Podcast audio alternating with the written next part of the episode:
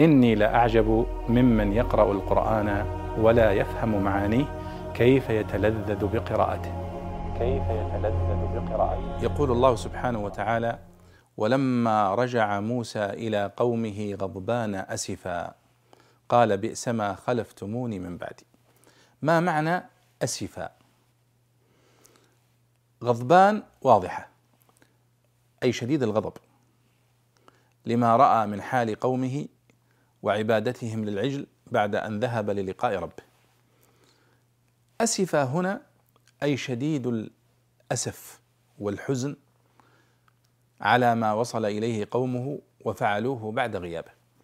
فمعنى غضبان أسف أي شديد الغضب وشديد الحزن على ما صنعه قومه بعده. هذا هو معنى الأسف في هذه الآية. و في آية أخرى يقول الله فلما آسفونا انتقمنا منهم. أي فلما أغضبونا. فالأسف في القرآن الكريم كل المواضع بمعنى الحزن آه، ولكن في قوله آسفونا بمعنى أغضبونا.